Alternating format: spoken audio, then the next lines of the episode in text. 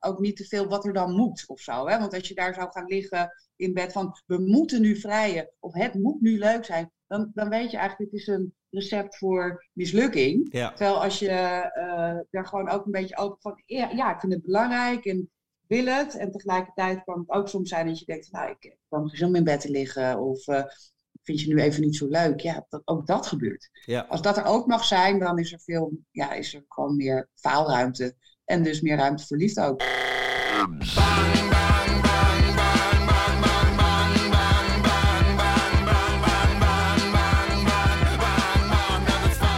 Hey, hallo, welkom bij aflevering 15.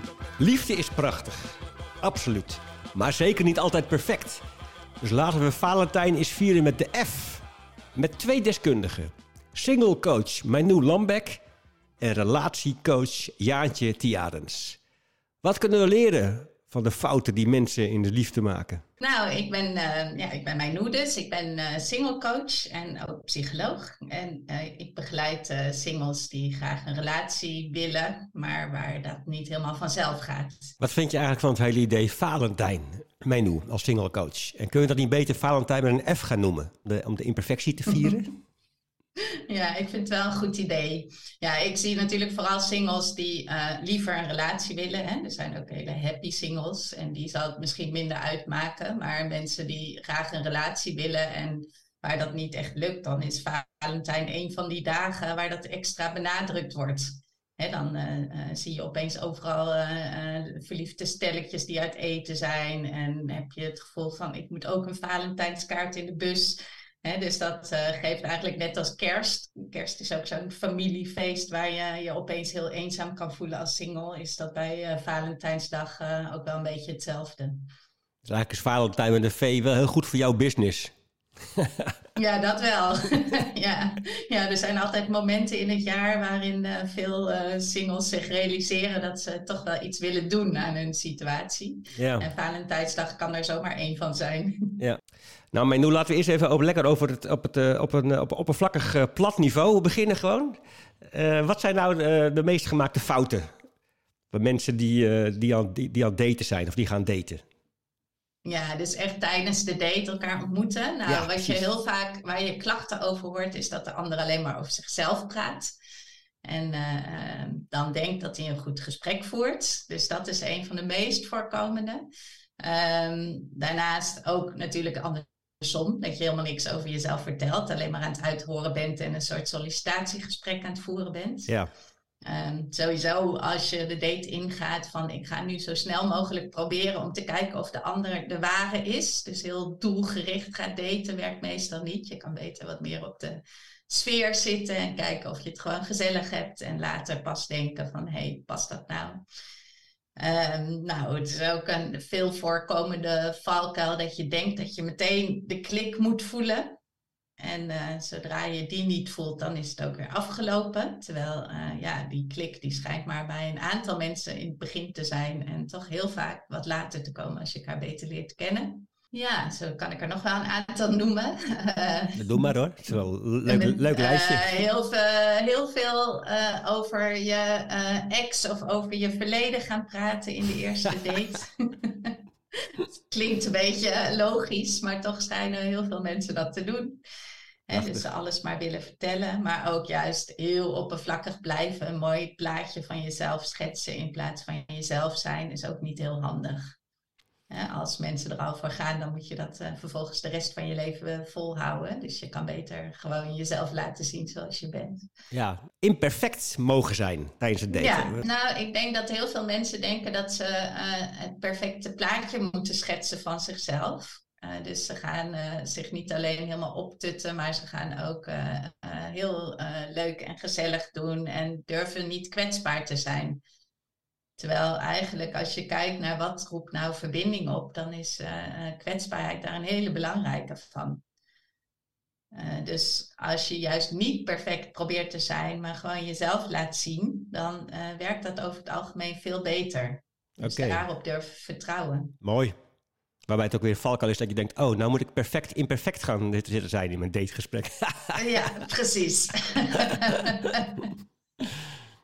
ja, dus je mag best een leuk uh, jurkje of een leuke uh, trui aantrekken. Het maakt niet uit, maar dus je mag best wat moeite doen. Maar het gaat erom dat je wel het gevoel hebt dat je jezelf bent. Dus je kan beter een beetje denken van, goh, wat zou ik nou doen als hier een goede vriend of vriendin zat? dan dat je gaat denken, nu ga ik perfect als een sollicitatiegesprek laten zien hoe leuk ik ben. Ja, dus eigenlijk gewoon, eigenlijk misschien als je als een gewoon kijken hoe kan je gewoon een, een leuk gesprek voeren, iemand, iemand leren kennen. En uh, in plaats van heel erg denken, oh, nu, nu moet er van alles. Of mag, of mag yeah. iets niet, ja. Precies. I hope you stay with me until the end of days. I'll try to do good. in each and every way. I know I'm not a rock, but I'll try to stand strong. And when there's nothing on TV, I will try to write you songs. I'll put them on my records and sell those to my friends. And I'll take my guitar and go to all those towns again. From that hippie bar in Camden to that hotel in North Bay, that little bar in Rotterdam where they always let me play. The owner's in a coma and his wife just sits and waits. We all try to forget about the hell that we create. We all try to forget about the hell that we create.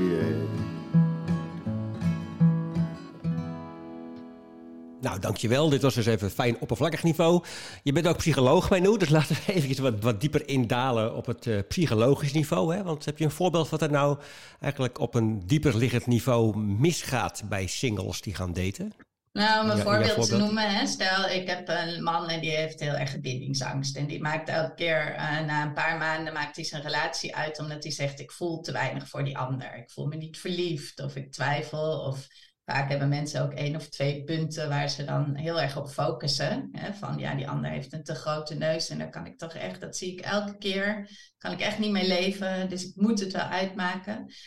Hè? Dus dan uh, uh, ja, ben je dat, ben je eigenlijk, is dat jouw afweermechanisme, die uh, dan zorgt dat je de relatie weer gaat saboteren, zodat je weer kan vluchten en dat je je weer rustig voelt. En dan is het dus zaak om te gaan kijken van, hé, hey, zit daar een gevoel onder? Want als je dit elke keer doet, dan zou er toch mogelijk iets in jezelf kunnen zitten. Dus uh, nou ja, dan ga ik met zo iemand ook zorgen dat hij uh, voelt wat daaronder zit.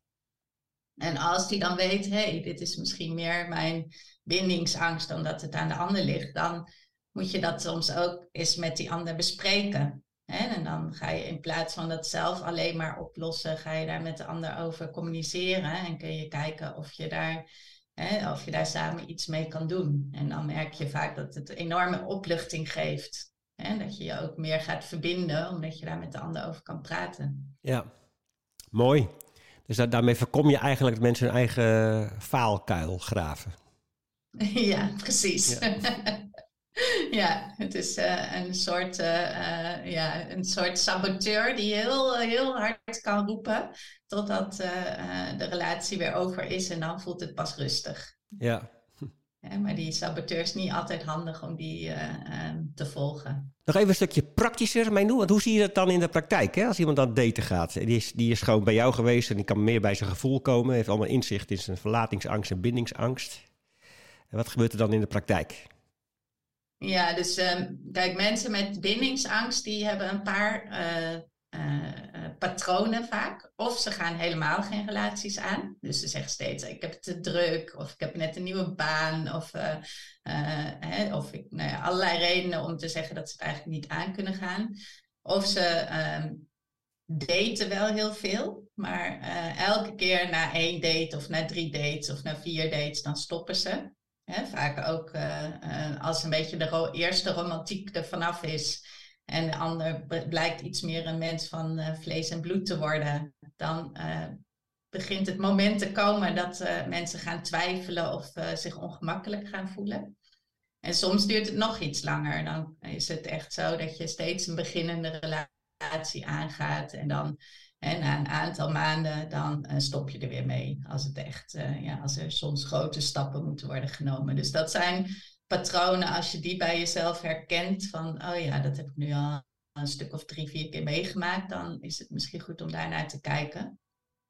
En mensen met uh, verlatingsangst, die, uh, ja, die hebben eigenlijk voortdurend relaties of zijn voortdurend op zoek naar een date, want die vinden het heel lastig om alleen te zijn. En op het moment dat ze dan uh, iemand leren kennen, dan gaan ze binnen een paar dates gaan ze al enorm fantaseren over hoe het met die ander zou zijn. Zijn ze constant met die ander bezig. Uh, hun telefoon wordt hun beste vriend, want uh, elke keer checken of de appjes zijn.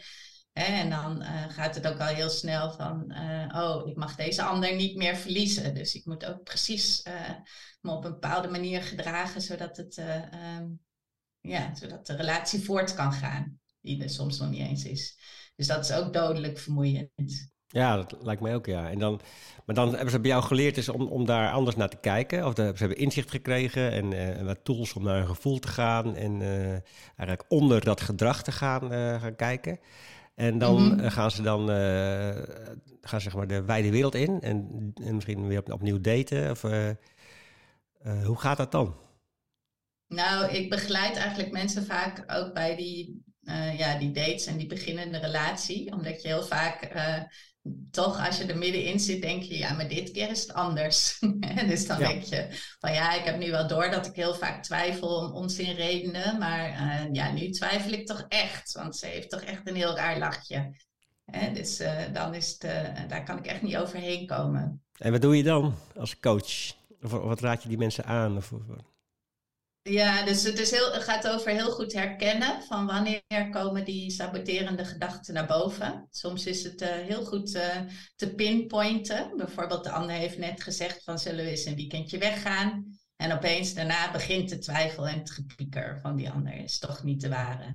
En dan weet je eigenlijk, die, het kwam een beetje te dichtbij. Dat weekend dat was te snel voorgesteld. Dus dan wordt het beangstigend en beklemmend. En dan komt opeens die twijfel van, is dit wel de ware? of dan stelt voor, wil je mijn vrienden eens ontmoeten of mijn ouders ontmoeten? Of alles wat te dichtbij komt. Dus als je dat heel goed kan pinpointen, dan wordt het ook makkelijker om te zien dat het weer die saboterende, on, dat saboterende onderbewuste is en niet uh, per se de ander. Dus niet per se wat verandert. Ja, dus je leert de mensen naar zichzelf kijken in plaats van naar de ander eigenlijk. Ja, dat is eigenlijk wel de kern. dat je veel meer gaat kijken van wat gebeurt er bij mij, in plaats van dat je denkt de ander is gewoon de ware niet. En ik kan me voorstellen als je hier zo naar luistert, dat je denkt van, maar ja, hoe doe ik dat dan? Hè? Als ik, ik, eh, hoe herken ik dat? Hoe, hoe, hoe, hoe, hoe kan ik die blik op mezelf richten en, en die gedachten herkennen en die patronen herkennen? Ja, ja, dat, dus ja, dat is niet in één keer allemaal uit te leggen. Maar het is wel wat ik vaak doe, is met mensen echt kijken van oké, welke gedachten komen er op, welk gevoel komt er op, welk gedrag ga je doen, uh, welke fysieke verschijnselen merk je misschien bij jezelf. En dat je heel goed uh, dat elke keer ziet van jezelf. Van, oh ja, nu, uh, oh ja, dit is weer die druk op mijn borst. Oh ja, nu ga ik inderdaad weer denken van, er is iets mis. Nu ga ik weer uh, me gedragen van, oh, ik laat een tijdje niks horen, want ik vind het te veel worden. En dus dat je dat heel goed bij jezelf herkent. Ja, je helpt ze dus echt al die signalen, gedachten, gevoelens om, om daar bewust van te, van te worden. Ja. En eigenlijk niet, niet, en... niet, niet, in een automatisch patroon daar, daarmee te, te schieten, maar eigenlijk eventjes van een afstandje te kijken en uh, te kunnen kiezen. Precies, ja. En wat ik ook wel doe, is, want dus heel vaak uh, komt de vraag dan van, ja, maar ik kan toch niet met iedereen een relatie aangaan? En dit kan toch ook echt de ware niet zijn? Uh, dus wat ik ook doe, is uh, van tevoren bepalen van waar ben je nou naar op zoek? Uh, want uh, kijk, iedereen heeft natuurlijk 20 minpunten. Maar het gaat erom, wat, wat vind jij echt belangrijk? En kun je de rest voor, voor lief nemen? Dus ik stel met, met mensen echt een lijstje op. Maar dan oh ja. niet met eigenschappen, maar met relatiewaarden. En uh, op het moment dat, hè, als mensen dat heel erg geformuleerd hebben... van dit vind ik echt belangrijk in een relatie dan zeg ik, ja, dan moet je die scheve neus of dat uh, een rare lachje maar voor lief nemen, want de rest is er allemaal. Dus relatiewaarden zijn dingen die jij belangrijk vindt in een relatie? Ja, dus dat is ehm, eh, niet zozeer allerlei eigenschappen van de ander, maar wat is er tussen jullie? kan je daar eens wat voorbeelden van geven, van, van, die, van die relatiewaarden? Wat zijn het dan bijvoorbeeld? Ehm, nou, dat zou kunnen zijn uh, samen kunnen lachen, elkaar accepteren zoals je bent, elkaar steunen, uh, goede gesprekken kunnen voeren. Dus echt veel meer wat is er tussen jullie en minder van oké, als hij of zij deze eigenschappen allemaal heeft, dan kan ik gelukkig worden. Wat, wat is het verschil? Dat, dat, is het wel misschien overlap? Hè? Want als je zeg maar, ik vind het ook belangrijk om goede gesprekken te kunnen voeren in een relatie. Maar dat zegt iets over wat tussen mij en mijn partner is. Maar ook, zegt ook iets over hoe ik ben of hoe de ander is. Toch? Dat, dat je, ja. Dus, dus hoe, hoe, haal je dat, dat, dat uit elkaar, dat, dat verschil? Um, nou, ik, ik, kan wel even een voorbeeld geven. Als ik uh, mensen net leer kennen, dan vraag ik vaak uh, twee dingen. Van, uh, wat, waarom wil jij nou graag een relatie? Wat mis je momenteel? En uh, wat is jouw ideale partner? En bij, vaak bij de eerste vraag van uh, wat uh, mis je momenteel, zeggen mensen dingen als ja, ik wil gewoon leuke dingen kunnen doen samen. Ik, ik wil ehm, ja, de dag kunnen delen. Ik wil fysieke intimiteit voelen. Ik wil um, ja, steun als het even moeilijk is. Eigenlijk noemen ze dan al relatiewaarden op. En als ik dan vervolgens vraag van en wat is jouw uh, ideale partner? Dan komt opeens een hele lijst met allerlei eigenschappen waar een ideale droomprins of prinses aan moet voldoen. Dan gaan mensen opeens noemen, ja, hij moet wel uh, langer zijn dan ik en hij uh, moet um, slim zijn en sociaal en ambitieus en wel stevig in zijn schoenen staan en lief en empathisch. En dan komt er zo'n hele lijst ja, waar eigenlijk niemand aan kan voldoen. Ja. En die eerste, dat is eigenlijk waar je uh, gelukkig mee wordt in een relatie. Dus hij, eigenlijk help je mensen ook met minder zoeken naar perfectie in, in, uh, in de ander. En, maar vanuit de perfectie in de ander meer naar wat vind je nou belangrijk in de verbinding? In, in, in, wat, mm -hmm. wat, klopt dat? Is dat wat je, wat je bedoelt? Ja, precies. Dat ja. is precies wat ik bedoel, ja. Want daarmee word je, kijk, en die tweede, dat zegt ook dus dat je zelf iets moet investeren. Als jij uh, openheid en steun belangrijk vindt in een relatie, dan moet je daar zelf ook wat aan doen. Ja. Terwijl als je uh, zegt van ja, hij moet open zijn en hij moet mij kunnen steunen, dan, ja, dan ga je eigenlijk vanuit dat die ander van alles moet bezitten, waardoor jij alleen maar uh, slapend gelukkig hoeft te worden, bij wijze van spreken. Ja. En heeft dit ook gewerkt trouwens bij, bij jezelf? Want hoe, hoe, lang, hoe lang heb je al een relatie? Uh, ik ben nu acht jaar met Dirk-Jan. En was je toen ook al single coach toen je, toen je Dirk-Jan ontmoette? Ja, sterker nog, ik was single coach, toen had ik een andere relatie. En uh, eigenlijk ging ik ook mede door mijn werk beseffen dat ik uh, zelf ook niet helemaal deed wat ik wel zei wat goed was. Oké, okay, dus, uh... doe ik ook als faalkundige hoor. ja, Durf dus ook geen fouten te maken. Uh, toen ook een relatie gestopt. En, uh, maar heb wel heel goed mijn eigen theorie toegepast toen ik Dirk-Jan ontmoette. En okay. ja, ik denk dat dat mij enorm geholpen heeft. Ja. ja wat, voor, wat voor relatiewaarden bijvoorbeeld zijn er voor jou nou belangrijk dan? Um, nou, onszelf kunnen zijn, goede gesprekken kunnen voeren. Ik vind het fijn dat we elkaar ook, uh, ja, ik vind zelf persoonlijke ontwikkeling natuurlijk belangrijk en hij ook. Dus we kunnen elkaar daar ook heel erg op vinden, elkaar daarop uitdagen, om daarover te hebben. Um, elkaar steunen, ja, het zijn niet hele bijzondere relatiewaarden, maar ik waardeer ze wel heel erg in mijn eigen relatie, dat ze er zijn. En waarom zeg je dat, dat het niet hele bijzondere zijn? Nou, mensen ze denken vaak dat het originele dingen moeten zijn. En anders zeggen ze, ja, maar iedereen heeft toch dezelfde relatiewaarde. Maar het gaat er wel om dat jij dat met de ander kan hebben. Ja. Ik kan zeggen, ik vind het uh, fijn als we met elkaar kunnen lachen. Maar ik kan niet met iedereen goed lachen. Dus ja. uh, het is wel fijn om dan uh, te merken, hé, hey, met deze persoon kan dat. Ja, dus ook daarin is de valkuil geen zoeken naar perfectie of naar originaliteit. Ik moet echt de meest originele, perfecte relatiewaarde hebben. Eigenlijk ja, precies. Het dagdagelijkse, waar je blij van wordt in een interactie, in een relatie, dat, dat is het eigenlijk wat het is. Ja, ja klopt. Ja. Nou, super bedankt, Mijnoe. Ja, geen dank. Leuk om het er zo over te hebben. I hope you stay with me. until the end of days. I'll try to do good in each and every way. I know I'm not a rock, but I'll try to stand strong. And when there's nothing on TV, I will try to write you songs. I'll put them on my records and sell those to my friends. And I'll take my guitar and go to all those towns again. From that hippie bar in Camden to that hotel in North Bay. That little bar in Rotterdam where they always let me play.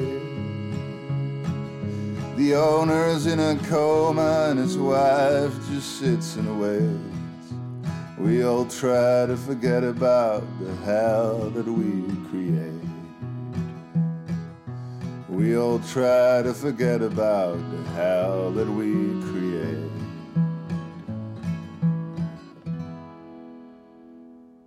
Van de singles over naar de stelletjes. Ik heb een gesprek gevoerd met Jaantje Tiadens. En zij is coach en trainer en onder andere schrijver van het nieuwe boek Leef je mooiste liefdesleven. Ik begeleid stellen in de liefde, ook met mijn partner. Die is geen therapeut, maar wel ervaringsdeskundige.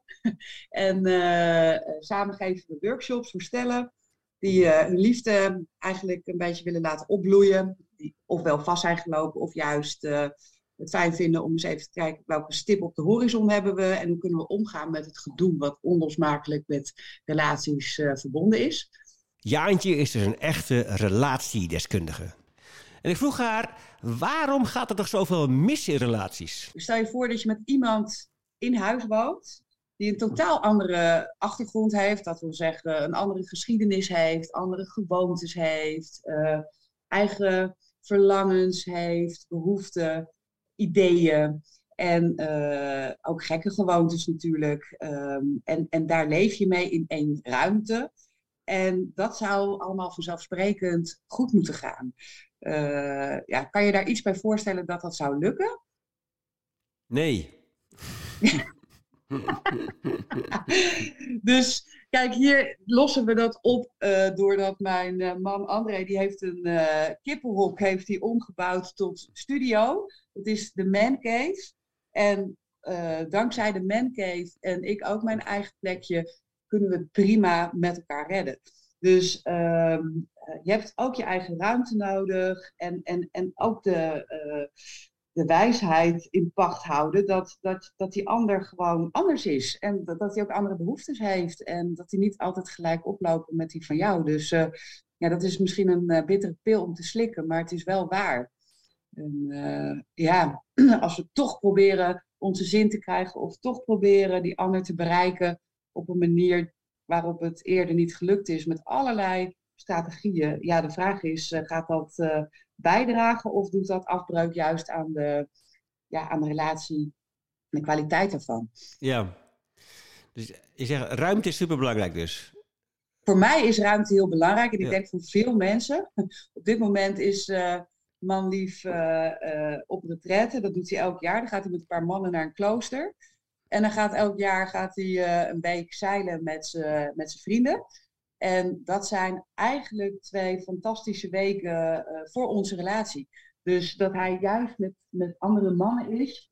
En even uit de context van hier doet ons ook goed. Ja. En zo doe ik ook eigen dingen die, uh, uh, die bijdragen. Eigenlijk juist weer aan onze verbinding. Dus om je, ja, als je verbinding een binding wordt, maak je los en verbind je opnieuw. Vind ik altijd een hele mooie uh, uitspraak die heel erg waar is. Uh, uh, die, en voor ons in ieder geval heel belangrijk is. Dus ja, kan je nog eens herhalen? Als verbinding een binding wordt, maak je los en, verbind, en verbind je opnieuw. Klopt. En dus eigenlijk. Maar is dan het probleem bij veel stellen dat ze, dat ze gewoon eigenlijk te veel verbinden of te veel bovenop op, op elkaar zitten? Nou, je ziet vaak een dynamiek waarbij de een dichterbij wil komen en de ander juist wat meer ruimte wilt hebben. Um, uh, dus dan krijg je een beetje dat uh, aantrekken, afstoten verhaal. Um, um, dus, dus dat gebeurt wel. ja, ik, nu ben ik even kwijt wat ik aan het zeggen was. Ik zat Oh, net, weet je waarom? mooi. Omdat ik heel erg bang was dat ik ging zeggen. Uh, aftrekken en aanstoten. je moet meer aftrekken en aanstoten als stel, als stel dus ik dat is daar in, die, in dat verhaal en uh, mijn hele zin is weg. Dat was je vraag. Eigenlijk is het een soort paradox. Hè? Dat is, we gaan ons uh, verbinden en het is leuk en lief, liefdevol en zo. En allemaal. Maar op een gegeven moment wordt die verbinding een, eh, een, te, veel, te veel een binding, zei je eigenlijk. En dan, dan moet je weer los om je te kunnen verbinden. Dus uh, dat is ja, eigenlijk heel raar eigenlijk, toch? Ja, dat is eigenlijk raar. Maar eigenlijk is het steeds een dans tussen autonomie en verbinding. En je kan je niet verbinden zonder ook autonoom te zijn. En autonomie krijg je ook pas weer uh, door je en met jezelf, maar ook weer met die ander te verbinden. Dus dat is een dans die, die je maakt. En daarin kun je jezelf een beetje kwijtraken. En uh, als je kijkt naar de dynamiek van in, in mijn eigen relatie, dan ben ik heel erg op die verbinding gericht. En André is meer op zijn autonomie gericht. En ik ben juist, ik heb wat meer te leren om mijn eigen autonomie in te nemen en te verbinden met mezelf. Wat zijn mijn uh, wensen, behoeften? En, en zo kan je dus ook een beetje van elkaar leren. Maar daaraan vooraf gaat vaak wat irritaties. Uh, zo kan ik me ergeren aan uh, um, dat hij goed voor zichzelf kan zorgen. En dus in de ochtend bijvoorbeeld lekker gaat douchen, uitgebreid. En dan naar beneden gaat. En dan een ontbijtje voor zichzelf maakt. En nou, uh, en dan pas begint te kijken van wat er om hem heen gebeurt. En daarentegen ga ik naar beneden, nog ongeveer net uh, nog uh, de plas in me blaas. En voordat ik ga plassen heb ik al een wasmand mee naar beneden genomen. Ik begin al broodjes te smeren voor de kinderen. in plaats van eerst even thee voor mezelf te zetten en even rustig naar het toilet te gaan. Dus ja, ik kan me aan hem gaan ergeren, maar ik kan ook kijken van, hé, hey, wat doet hij? Ik eigenlijk wel wat meer zou kunnen doen. Dus uh, vaak zit in die ander iets wat je ergelijk vindt, zit iets aan uh, vast wat je zelf kan leren. En hoe doe je dat dan? Hè? Want ik denk dat is heel mooi natuurlijk theoretisch. En ik vind het echt prachtig. Maar als, als ik in een vreselijke ergernis zit naar mijn partner, dan is het best moeilijk om te denken van, oh ja, wacht even, maar de ander is heel inspirerend. nee, dat gaat op dat moment vaak ook niet op. Dus daar heb je een beetje afstand voor nodig en een beetje reflectietijd. In de moment zelf uh, uh, kan het heel goed zijn dat je je ergernis ook laat blijken door te zuchten, met ogen te rollen of uh, ja, net wat harder een keukenlaadje dicht te doen of een beetje standvoetend de ruimte te verlaten. Uh, alleen de vraag is, is dat functioneel? En, en tegelijkertijd doen we dat. Hè? Uh, dus ja, hoe doe je dat? Een beetje afstand creëren en af en toe even kijken van... hé, hey, um, kan het zijn dat uh, ik me aan iets irriteer... wat ik zelf misschien een beetje kan, in praktijk kan brengen? Of kan het ook zijn, dat, welke behoefte heb ik eigenlijk? Ja, en hoe kan ik daar zelf vorm aan geven... in plaats van dat uit te besteden aan mijn partner... die dat zou moeten vervullen? Ja, hoe bedoel je dat?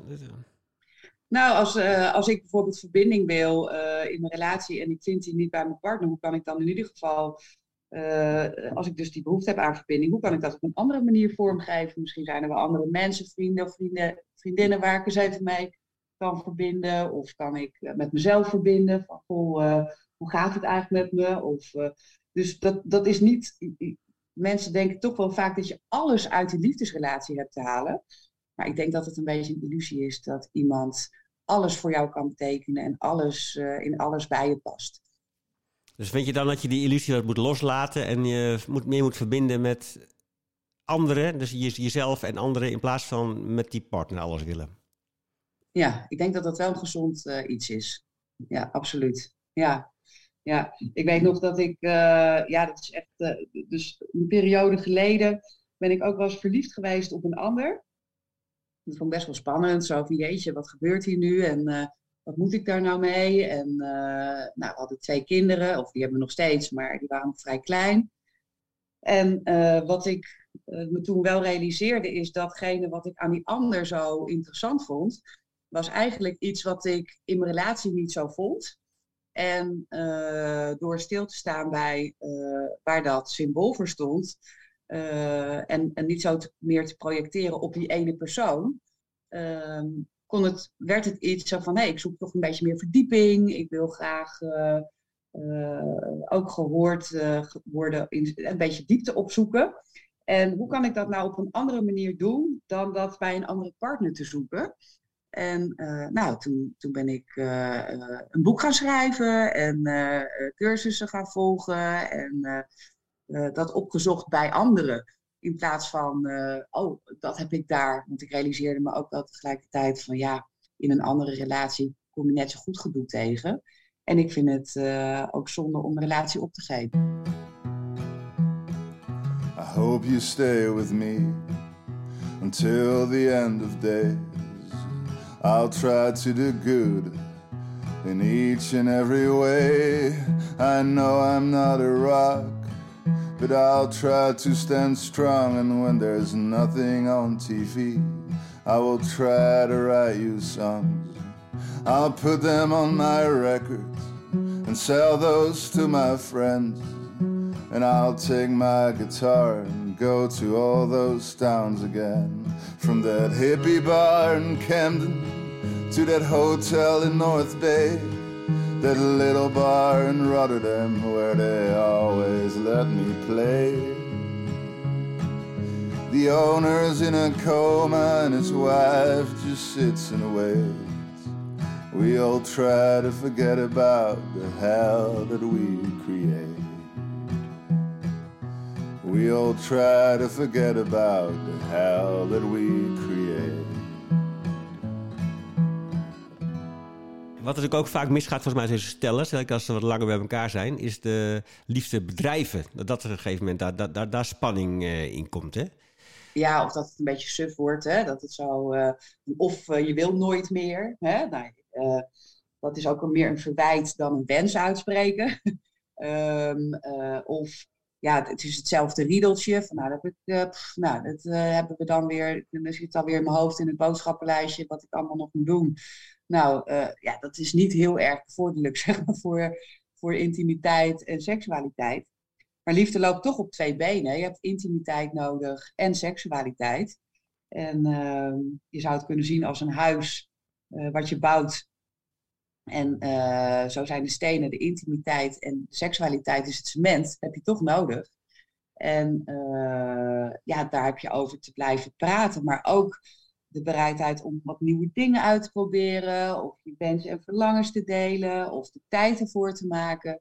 En, en soms ook een beetje, zonder dat je heel veel zin hebt, toch uh, bereid te zijn om, zullen we de ruimte maken om elkaar aan te raken en elkaar te vinden. En dan merk je toch dat uh, uh, op het moment dat seksualiteit ook een onderdeel kan blijven van je relatie, dat dat op heel veel vlakken ook weer helpt. En tegelijkertijd is dat wat er in de slaapkamer gebeurt, of elders, hè, waar je ook maar seksualiteit ervaart, dat dat een soort uitvergroting is van hoe het ook in het dagelijks leven tussen elkaar loopt. Dus ja, houd je in? Of is het eigenlijk onaandachtig? Of wat, wat, zie je eigenlijk terug? Dus het is interessant om naar je eigen seksleven te kijken. En dat ook een beetje te kijken van, nee, is dat niet een uitvergroting van wat er ook goed gaat of minder goed tussen ons? En kunnen we daar misschien een beetje wat aan doen?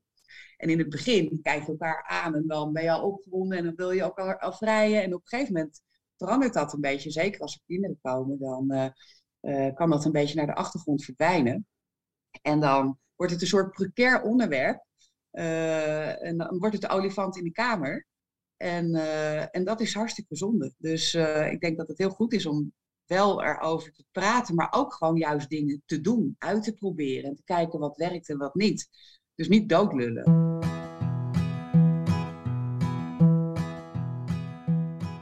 In die coronatijd weet ik bijvoorbeeld dat op een gegeven moment André zei: joh, weet je wel, ik, ik, schat, ik vind je altijd wel aantrekkelijk, in zekere zin ook wel eens onaantrekkelijk natuurlijk, maar hij is een rasoptimist, dus hij zal uh, dat, uh, en hij kent mijn onzekerheden, dus hij zal het ook niet heel snel zo benoemen, maar hij zei wel op een gegeven moment, weet je, ik zou het wel heel fijn vinden, want ik heb het in mijn badjas, als je een keer even gewoon, ook misschien voor mij een beetje leuk wil aankleden, en uh, oh ja, ik kan ook wel weer een beetje mijn best doen of zo, hè, dus het is ook een soort van aandacht aan elkaar geven en, en je best een beetje blijven doen. Dat je niet alles vanzelfsprekend meer aanneemt.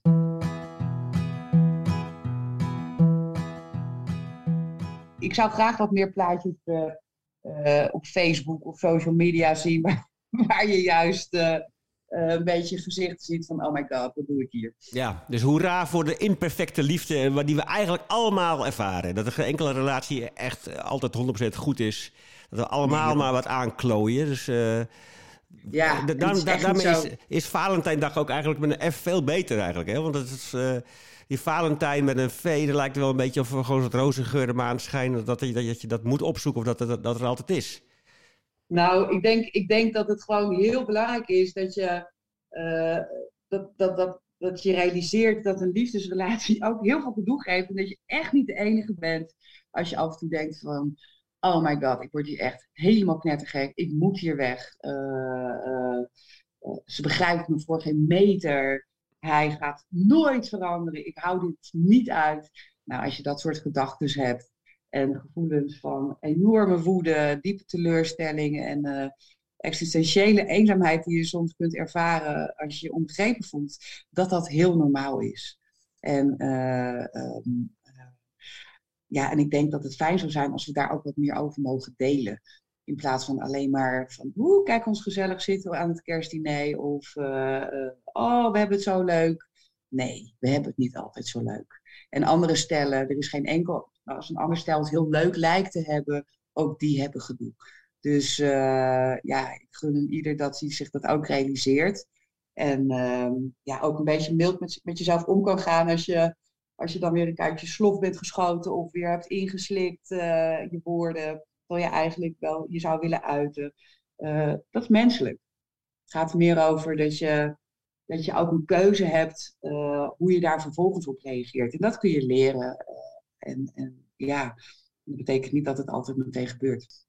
Prachtig. Nou, dat vind ik een hele mooie afsluiting van dit gesprek. Dankjewel, Jaan. Dankjewel Remco, leuk om met je te kletsen. Tot zover deze aflevering van de Faalkunde Podcast. Deze podcast wordt gemaakt door mij, Remco van der Drift. Richard Roling maakt het improvisatietheater, helemaal aan het eind. Corine de Goede doet officieel niet de eindredactie. En de muziek is van Mark Lotterman. Ken jij iemand die het gunt om ook naar deze podcast te luisteren? Deel hem dan. Stuur deze aflevering naar deze persoon toe en je draagt bij aan een faalkundigere wereld met minder angst om te falen.